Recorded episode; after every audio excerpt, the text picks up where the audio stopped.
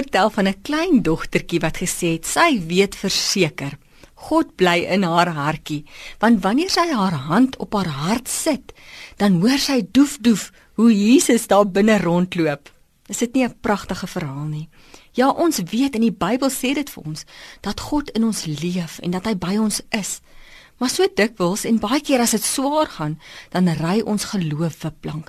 Dan vra ons, "Waar is U Here?" en voel ons alleen en moed verlore. Groot geloofshelde in die Bybel, se geloof het soms ook beplank gery. Ek dink aan Johannes die Doper. Nadat hy Jesus gedoop het en daar 'n stem uit die hemel gekom het wat gesê het, "Dit is my seun," beland Johannes in die tronk. En Daar begin hy twyfel. Is Jesus werklik die Messias? En hy sê vir sy volgelinge: "Gaan na Jesus toe en vra hom, is hy regtig die Messias?" Ons weet ook van Petrus, een van Jesus se geliefde disippels wat hom verloon het. En natuurlik van Thomas, wat nie kon glo dat Jesus uit die dood uit opgestaan het nie. Nou die dag lees ek van die ou kerkvader Martin Luther wat op 'n keer ook gepraat het van Deus absconditus, die afwesige God. Die feit is, geloof gaan nie oor 'n gevoel nie.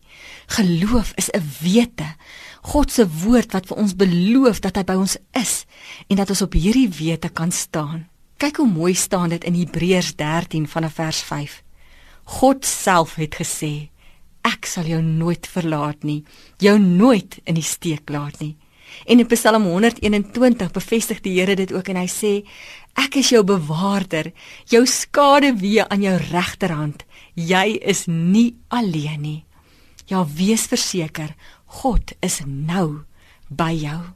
Partykeer dan wys hy vir ons dat hy teenwoordig is op 'n wonderbaarlike manier. En ander keer dan is dit 'n misterie en voel dit vir ons hy is nie by ons nie, maar wanneer ons terugkyk, besef ons, maar hy was al die tyd daar. Hy het ons gedra, In 2 Konings 6 lees ons van Elisa en sy dienaar wat wakker geword het en besef het daar's 'n vyhandige mag wat hulle omsingel het. Elisa se diensknegt het baie paniekerig geraak en gesê: "Wat moet ons nou doen?" Elisa bid toe: "Here, maak sy oë oop." En toe sien die diensknegt hoe skare leermag van engele op vier waans hulle beskerm. Ek bid gereeld: "Here, maak my geestesoë oop dat ek kan sien hoe U werk in my lewe." Want so dikwels kyk ons hom mis. Hardloop ons oor sy genade of sal ons sy hande werk toeskryf aan toeval? Wanneer jou geloof begin beplank kry, hardloop na die Here toe. Moenie weghardloop van hom nie. Moenie jou Bybel toemaak nie. Maak jou Bybel oop, grawe diep en soek hom. Luister hoe mooi staan dit in die Message vertaling, Jeremia 29 vers 13. When you come looking for me, you'll find me.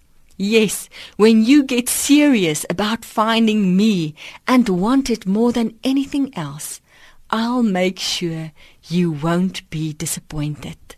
Hou vas aan die Here. Hy is by jou.